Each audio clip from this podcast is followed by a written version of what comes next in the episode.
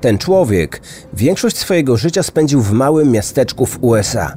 Wszyscy nazywali go miejscowym prześladowcą, ponieważ nieustannie uprzykrzał życie innym mieszkańcom swoimi kradzieżami, podpaleniami i zastraszeniami. Pomimo licznych aresztowań i postawionych mu zarzutów karnych, przez lata skutecznie unikał więzienia. Policja była wobec niego bezradna. Dlatego lokalna społeczność postanowiła wziąć sprawy we własne ręce.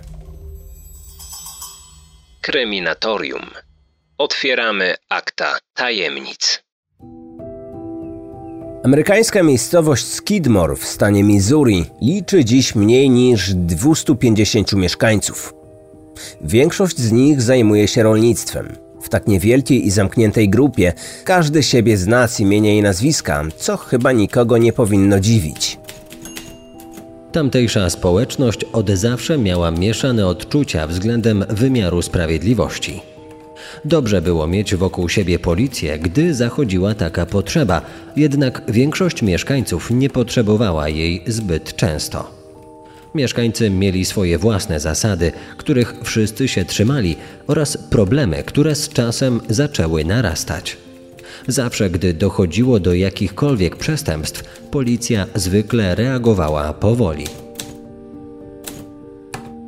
Oczywiście w niewielkim Skidmore, jak w każdym podobnym miasteczku, także dochodziło do przestępstw. Jednak były to zazwyczaj drobne kradzieże, akty wandalizmu czy bójki w barze pomiędzy pijanymi mężczyznami. Mieszkańcy czuli się raczej bezpiecznie i ufali sobie nawzajem. Tworzyli coś na wzór jednej wielkiej rodziny. Były dla nich ważne takie pojęcia jak solidarność czy odpowiedzialność grupowa. Jednak od lat 60. do początku 80. życie nie było tam łatwe. Ci, którzy tylko mogli, wyprowadzali się, ale nie każdy miał taką możliwość. Większość była jedynie biednymi rolnikami lub pracownikami fizycznymi i często nie mieli wyboru dotyczącego miejsca ich zamieszkania. W pewnym momencie spokój mieszkańców miasteczka został poważnie zakłócony. W ich życiu niespodziewanie zaszły nagłe zmiany.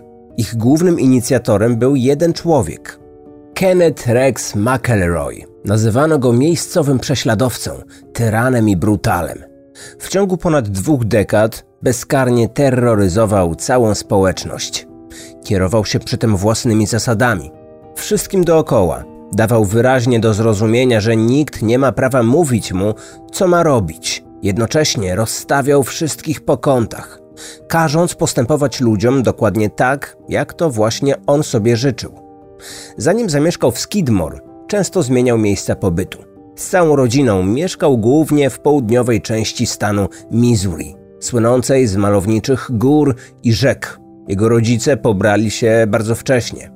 Matka swoje pierwsze dziecko urodziła zanim skończyła 15 lat.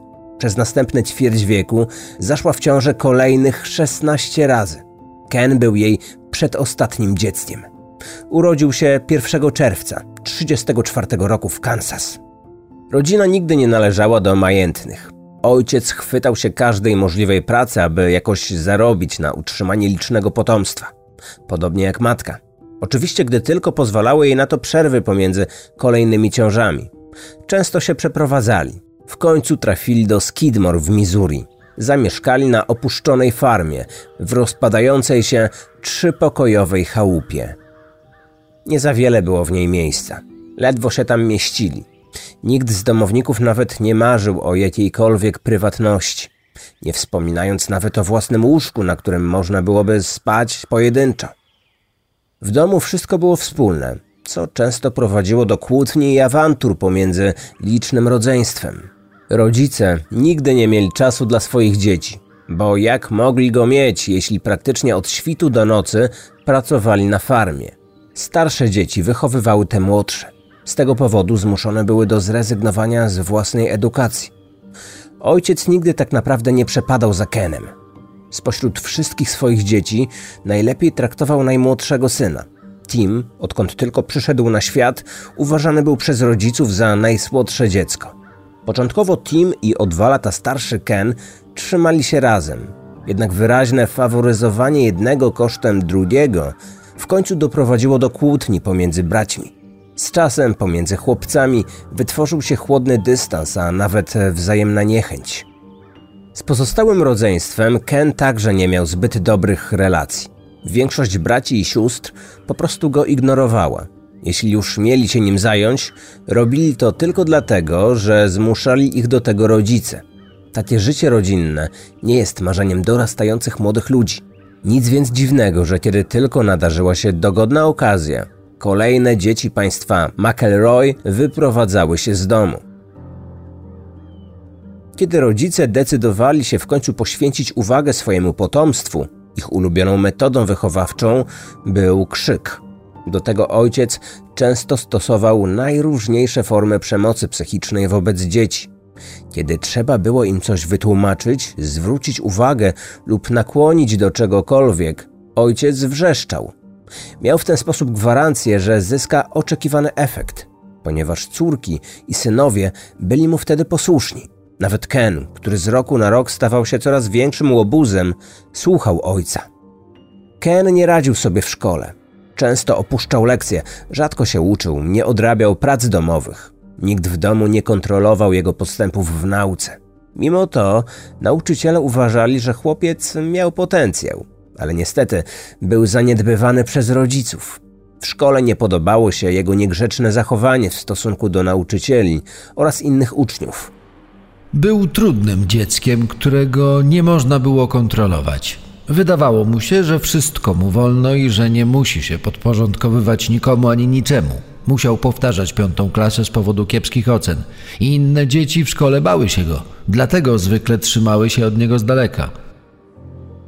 Ken potrafił wejść do klasy, podejść do ławki zajętej już przez jakiegoś ucznia, a następnie stwierdzić, że on chce tu usiąść. Nikt nie chciał narazić się szkolnemu prześladowcy. Dlatego wszyscy posłusznie mu ustępowali, przechodząc w inne miejsce. Jego zła reputacja zaczęła się już pierwszego dnia w szkole, kiedy zaczął grozić nożem innym uczniom. Jednak, co ciekawe, nikt nigdy nie widział, aby chłopak faktycznie zrobił komuś krzywdę na terenie szkoły. Zawsze kończyło się na groźbach, ponieważ inni nie chcieli z nim zadzierać. Podejrzewali, do czego może być zdolny. Jego groźny wyraz twarzy, wysoki wzrost i wysportowana sylwetka były skutecznym straszakiem. W wieku 15 lat postanowił rzucić szkołę. Chodził wtedy do ósmej klasy, ale nie miał ochoty na kontynuowanie nauki. Nie chciał także pracować, ale potrzeba posiadania własnych pieniędzy okazała się silniejsza. Dlatego wkrótce zaczął wykonywać proste prace fizyczne. Pierwszy raz ożenił się, gdy miał 18 lat. Z 16-letnią żoną zamieszkał w Denver w Colorado. Zatrudnił się na budowie, co zakończyło się dla niego niefortunnie. W trakcie pracy doszło do nieszczęśliwego wypadku. Ken uszkodził sobie nerwy i mięśnie w okolicy szyi. To zmusiło go do porzucenia tej posady, a skutki tych urazów towarzyszyły mu już do końca życia. Kraść zaczął jeszcze chodząc do szkoły. Fakt, że nie został wtedy schwytany i ukarany, tylko utwierdził go w przekonaniu, że był to dla niego idealny sposób na życie. Zamiast pracować, postanowił przywłaszczyć sobie cudze rzeczy. Okradał głównie farmerów. Zabierał im mięso lub żywe zwierzęta, które sam później zabijał. Był nie tylko złodziejem, ale i kobieciarzem. Przynajmniej tak o nim mówiono. Pomimo tego, że miał już żonę, lubił podrywać inne kobiety, w szczególności dziewczyny, które dopiero co wkraczały w tak zwany wiek zgody, czyli okres, kiedy mogły z nim uprawiać legalny seks. Był atrakcyjnym mężczyzną. Brązowe włosy farbował na czarno, zaczesywał je do tyłu, co było wówczas bardzo modne. Był dobrze zbudowany, a to podobało się wielu kobietom. Ich uwagę przykuwały także jego ciemno-niebieskie oczy. Gdy pojawiał się w barze, potrafił oczarować wiele młodych dziewcząt. Kupował im drinki, a one dobrze bawiły się w jego towarzystwie. Powtarzał, że jego kobieta musi być młoda, dlatego często otaczał się nastolatkami. Niektóre z nich miały nawet 14 lat i nie do końca jeszcze rozumiały, czego tak naprawdę może od nich chcieć dorosły facet a on zawsze dostawał to, czego chciał. Z tego powodu wiele dziewcząt zachodziło z nim w ciążę. Później rodziły mu dzieci. Jego żona miała tego dość, dlatego zdecydowała się na rozwód. Nie rozpaczał z tego powodu. Właściwie było mu to nawet na rękę. Pewnego razu Ken został zmuszony do poślubienia jednej z dziewcząt, którą wykorzystał seksualnie. W przeciwnym razie groziło mu oskarżenie o gwałt oraz uwiedzenie osoby niepełnoletniej. I tak dziewczyna o imieniu Sharon została jego drugą żoną. Jak można się domyśleć, nie było to szczęśliwe małżeństwo. Sharon tak naprawdę nie miała wyjścia. Nikt nie pytał jej o zgodę. Urodziła mu córkę. Później musiała cierpliwie znosić zmienne zachowania swojego małżonka. Czasami potrafił być kochającym mężem i ojcem. Jednak zdarzały się dni, kiedy stawał się nie do zniesienia i zawsze robił to, co tylko chciał. Raz przyprowadził do domu inną dziewczynę. Czternastoletnia Sally stała się dla niego kolejną ofiarą. Gwałcił ją, bił i poniżał. W kolejnych latach zarówno ona, jak i Sharon urodziły mu kolejne dzieci.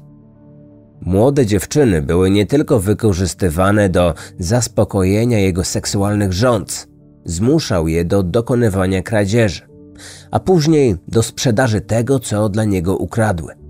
Zarobione w ten sposób pieniądze trafiały oczywiście do jego kieszeni.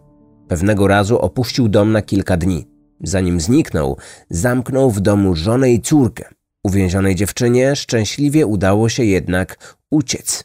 Na komisariacie policji pojawiła się z dzieckiem na rękach. Oskarżyła własnego męża o znęcanie się nad nią. Opowiedziała policjantom o licznych pobiciach i awanturach.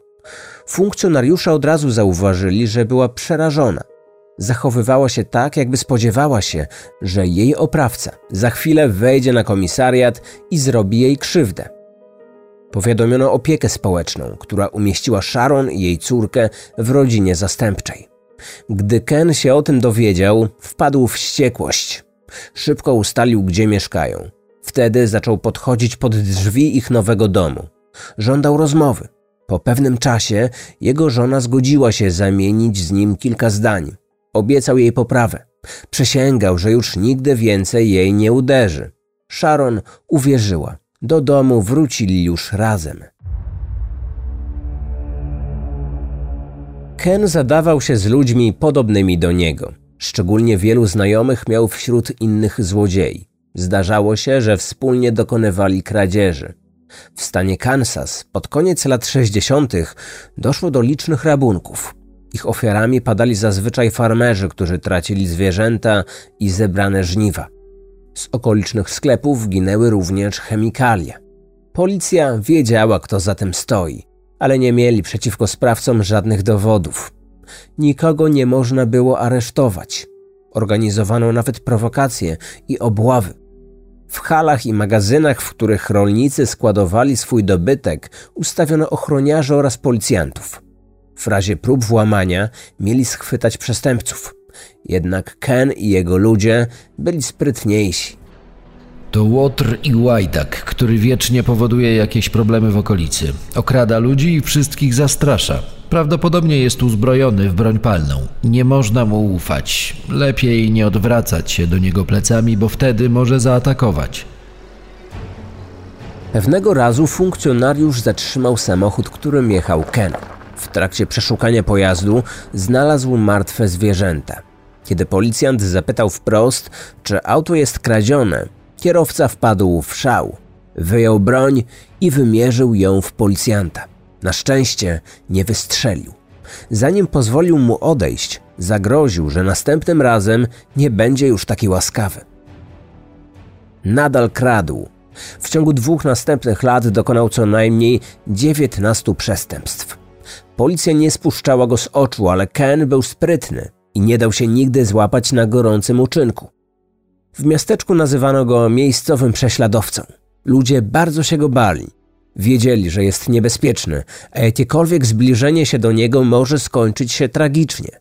Zwłaszcza, że bandyta praktycznie zawsze miał przy sobie broń i otaczał się wianuszkiem innych podejrzanych osób. W międzyczasie wchodził w związki z kolejnymi dziewczynami, które były dla niego zdecydowanie za młode. Jego następną żoną została Alice. Poznali się, gdy miała 15 lat. Urodziła mu dziecko. Gdy w pewnym czasie zaczęła mieć już dość bicia i poniżania, postanowiła odejść. Nie pozwolił jej na to.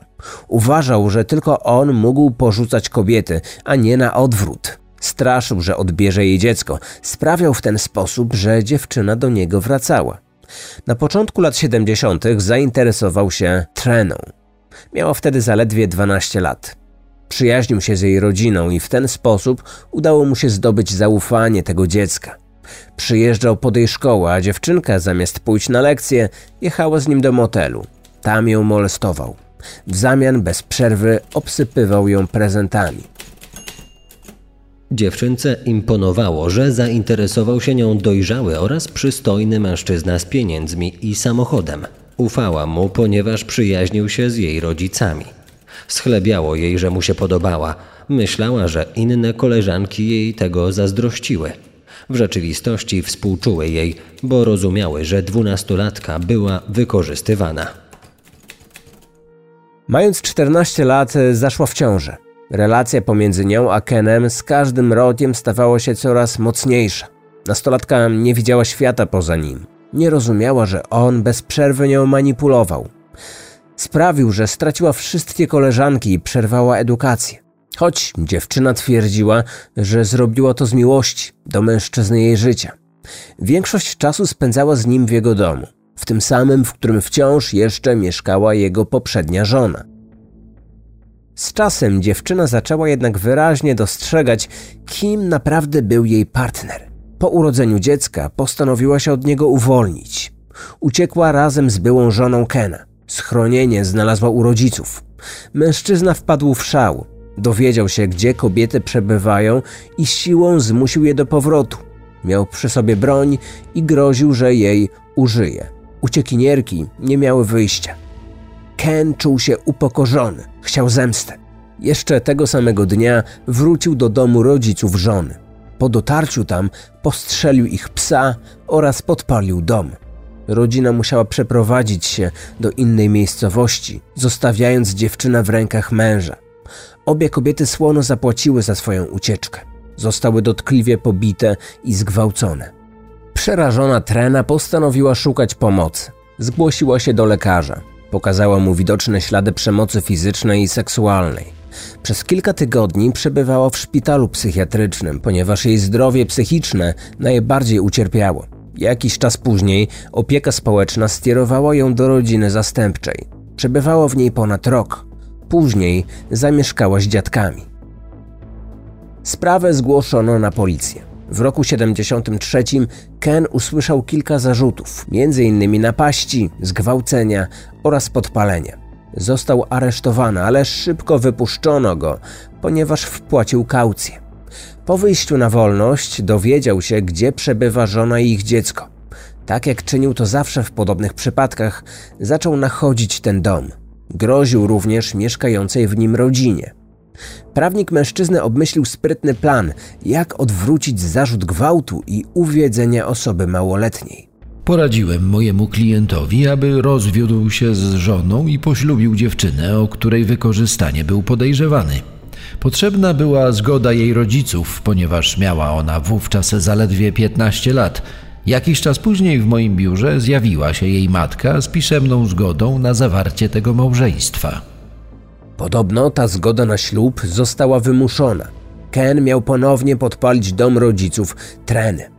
Z obawy przed niebezpiecznym mężczyzną, matka dziewczyny wyraziła swoją zgodę na zawarcie związku małżeńskiego przez jej córkę. Kiedy Trena została jego żoną, wycofała wszystkie wcześniejsze zarzuty.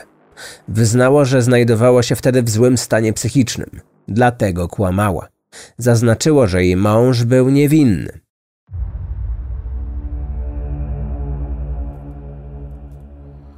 Małżeństwo zamieszkało razem na farmie w Skidmore. Wkrótce na świat przyszły ich kolejne dzieci. Oficjalnie Ken miał mieć łącznie dziesięcioro, z różnymi kobietami, choć plotkowano, że w rzeczywistości miał ich znacznie więcej. Choć w przeszłości ciążyły na nim różne zarzuty, takie jak kradzież, podpalenie, gwałt i tym podobne, jakimś cudem udało mu się uniknąć odsiadki w więzieniu. Jego prawnik miał wielki talent do wyciągania swojego klienta z kłopotów. Ken także robił wszystko, aby jego sąsiedzi odwoływali złożone wcześniej zeznania. W miasteczku nazywano go miejscowym prześladowcą. Zastraszał wszystkich mieszkańców, w szczególności tych, którzy chcieli, aby zapłacił za swoje czyny. Świadkowie w sprawach toczonych przeciwko niemu byli śledzeni i prześladowani. On albo któryś z jego kompanów obserwowali ich domy. Przerażeni świadkowie wycofywali później swoje zeznania.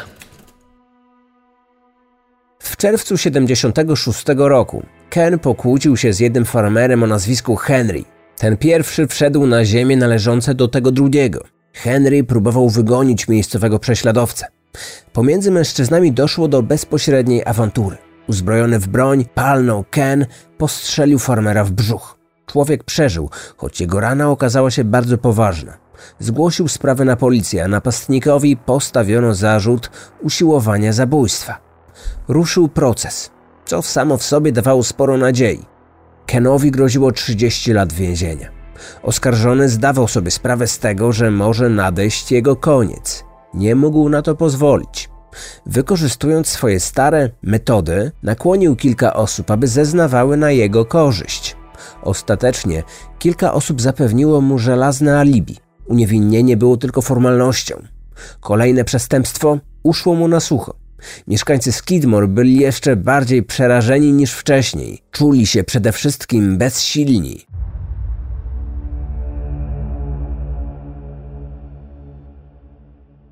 W 80 roku w miasteczku doszło do pewnego incydentu. Do sklepu spożywczego, którego właścicielem był Ernest Bowenkamp, nazywany przez wszystkich Bow, przyszły dwie dziewczynki. Jedną z nich była pięcioletnia córka Kena i to ona próbowała ukraść trochę słodyczy.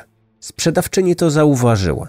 Zwróciła uwagę małej złodziejce. Skarcona dziewczynka odłożyła na półkę skradzione rzeczy, a następnie obie koleżanki wyszły. Wtedy córka Kena rozpłakała się. Przed sklepem spotkała ją jej starsza siostra. Gdy tylko dowiedziała się o tym, że sprzedawczyni oskarżyła pięciolatkę o kradzież, zdaniem małej złodziejki zupełnie niesłusznie, weszła do sklepu i zrobiła awanturę.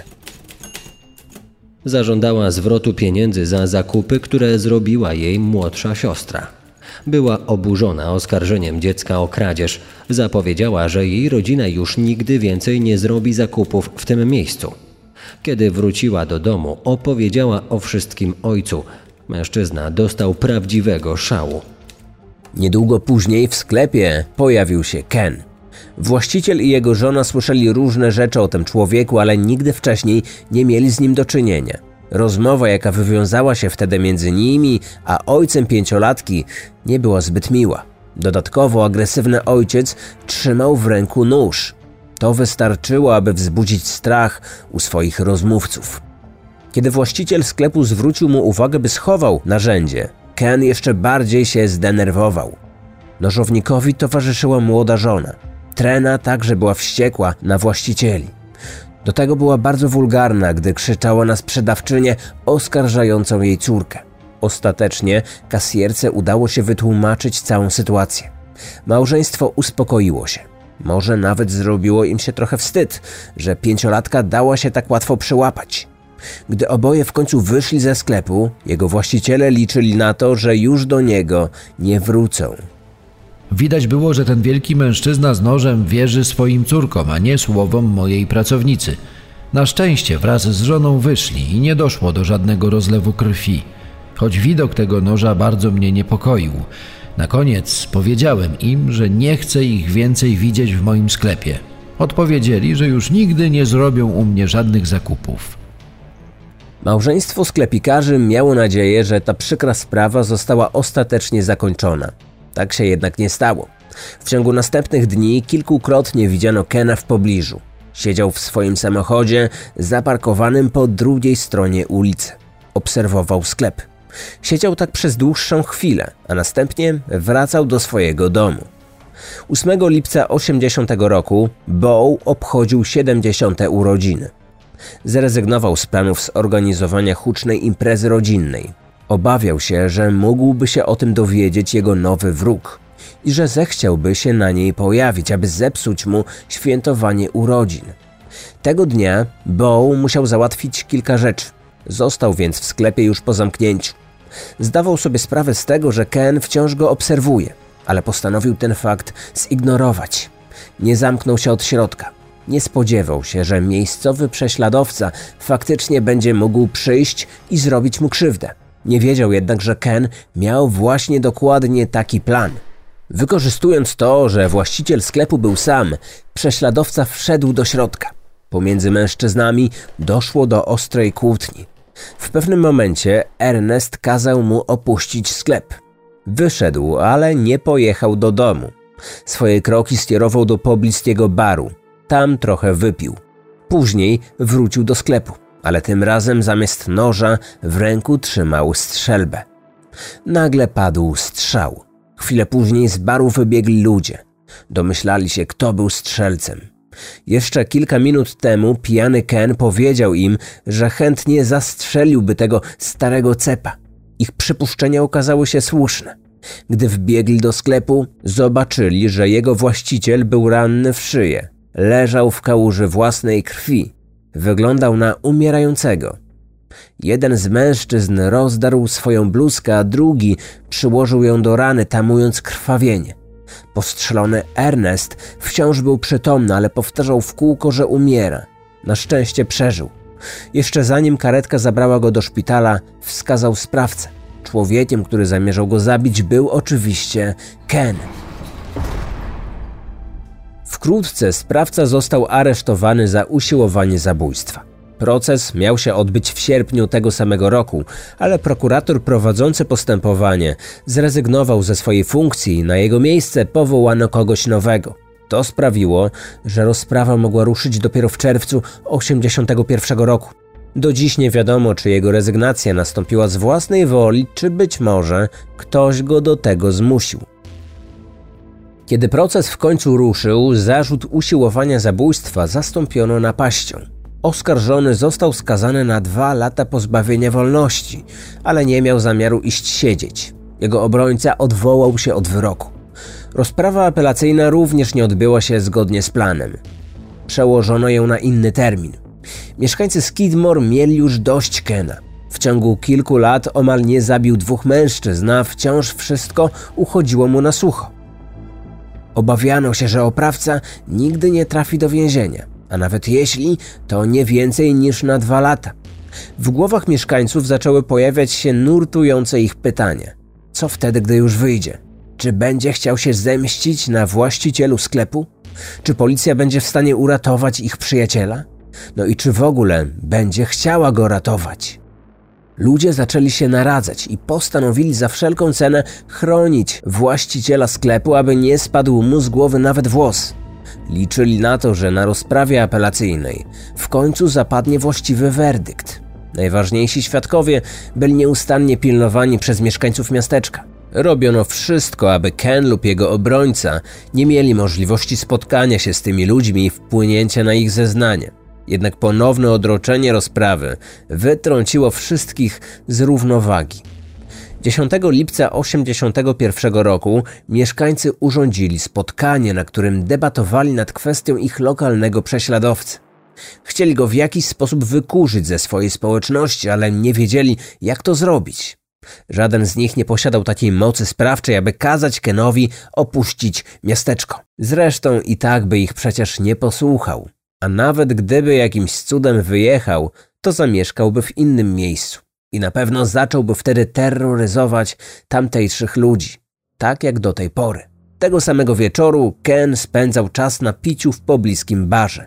Kilka godzin wcześniej, w tym samym miejscu, spotkał Ernesta, któremu groził. Świadkowie tej rozmowy o pomoc poprosili wtedy miejscowych stróżów prawa.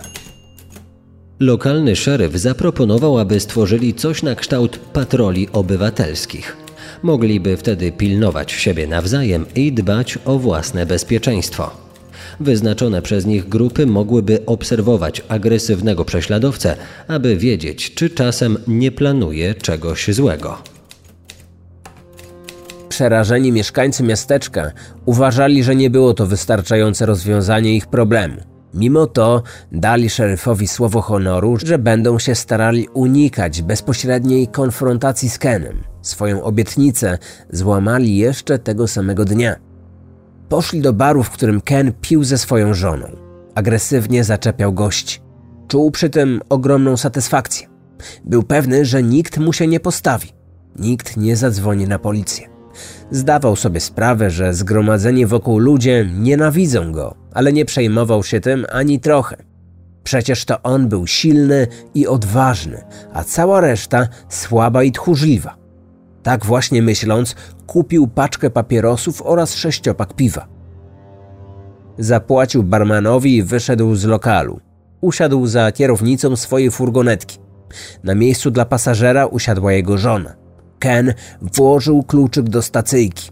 Przed odpaleniem silnika postanowił odpalić papierosa. Zaciągnął się dymem, ale nie zdążył go wydmuchać. Właśnie w tym momencie rozległy się strzały. Rozprysło się szkło ze stłuczonej bocznej szyby. Ktoś otworzył boczne drzwi i siłą wyciągnął kobietę na zewnątrz. Nikt nie zamierzał jej skrzywdzić. To nie ona była ich celem. Ken został kilkukrotnie postrzelony i dwa razy uderzony kolbą strzelby w twarz. Wokół samochodu zgromadziło się około 40 świadków. Niektóre źródła twierdzą, że mogło być ich nawet ponad 60. Zamieszkanym wtedy przez nieco ponad 400 osób miasteczku byłaby to niemal jedna siódma wszystkich mieszkańców. Zwykle nie zdarza się, aby na miejscu zbrodni pojawiło się aż tylu naocznych świadków. A mimo to nikt nie zadzwonił na policję. Mało tego, nikt nawet nie udzielił pierwszej pomocy rannemu mężczyźnie. Ludzie w milczeniu patrzyli, jak człowiek, którego tak bardzo się bali, wykrwawiał się na ich oczach. Gdy w końcu zmarł, na wielu twarzach pojawił się nawet uśmiech. Kiedy policjanci i pomoc medyczna zawiadomiona przez żonę ofiary przybyli na miejsce, było już za późno na jakąkolwiek pomoc. Lekarz potwierdził zgon. Policjanci wiedzieli, że właśnie popełniono zabójstwo z premedytacją. Zaczęli przesłuchiwać naocznych świadków i wtedy okazało się, że nikt niczego nie widział i nie słyszał. Nie widziałem, kto pociągnął za spust. Wokół baru zgromadziło się zbyt dużo ludzi. Usłyszałem tylko wystrzał i kiedy spojrzałem na niego, był postrzelony. Obok nie było nikogo. Tylko tyle jestem w stanie powiedzieć. Nie mam pojęcia, kto go zabił. Nie widziałem nikogo, kto miałby w tym czasie przy sobie jakąkolwiek broń. Mniej więcej tak zeznali wszyscy świadkowie. Nikt nie widział twarzy strzelca, nikt nie widział żadnej broni. Nikt nawet nie domyślał się, kto mógłby być sprawcą. Jedyną osobą, która wskazała potencjalnego zabójcę, była żona ofiary. Kobieta zeznała, że był nim niejaki Del Clement. Mężczyzna od lat mieszkał w Skidmore, ale akurat jemu Ken nigdy nie zrobił nic złego, zatem teoretycznie nie miał motywu. Tak przynajmniej wynika z dostępnych informacji. Sam podejrzany zaprzeczył tym oskarżeniom, a podczas przesłuchania zapewniał nawet, że osobiście to on nic do Kena nie miał. W każdym razie Delowi nigdy nie postawiono żadnych zarzutów, podobnie jak nikomu innemu. Policja niechętnie prowadziła to śledztwo. Kiedy śmierć miejscowego prześladowcy zyskała ogólnokrajowy rozgłos, pojawiły się wtedy głosy, że tak się po prostu musiało stać że tylko w ten sposób mieszkańcy mogli się uwolnić od tego terrorysty. Do dzisiaj nie wiadomo, kto faktycznie pociągnął za spust. Zagadką pozostaje również to, czy rzeczywiście było to zaplanowane zabójstwo. Być może mieszkańcy Skidmore podczas narady doszli do wniosku, że tylko tak mogli przywrócić spokój w swoim miasteczku. A może było to inicjatywa tylko jednej osoby, której pozostali mieszkańcy jedynie kibicowali. Niektórzy twierdzą, że bardziej prawdopodobna jest ta druga wersja, ale kim był ten samotny wybawiciel? Tego nie wiemy. Trwająca od ponad 40 lat zmowa milczenia w Skidmore wciąż trwa. Być może pewnego dnia zostanie przerwana, choć wydaje się, że wszyscy świadkowie śmierci Kena woleliby zabrać ten sekret do grobu. Odcinek powstał na podstawie książki zatytułowanej In Broad Daylight autorstwa Harego N. McLeana. Ponadto wykorzystano takie źródła informacji jak AP News, Washington Post i History Collection oraz artykuły napisane m.in. przez Beck Haim, Diana Rees i Khalida El Hassana.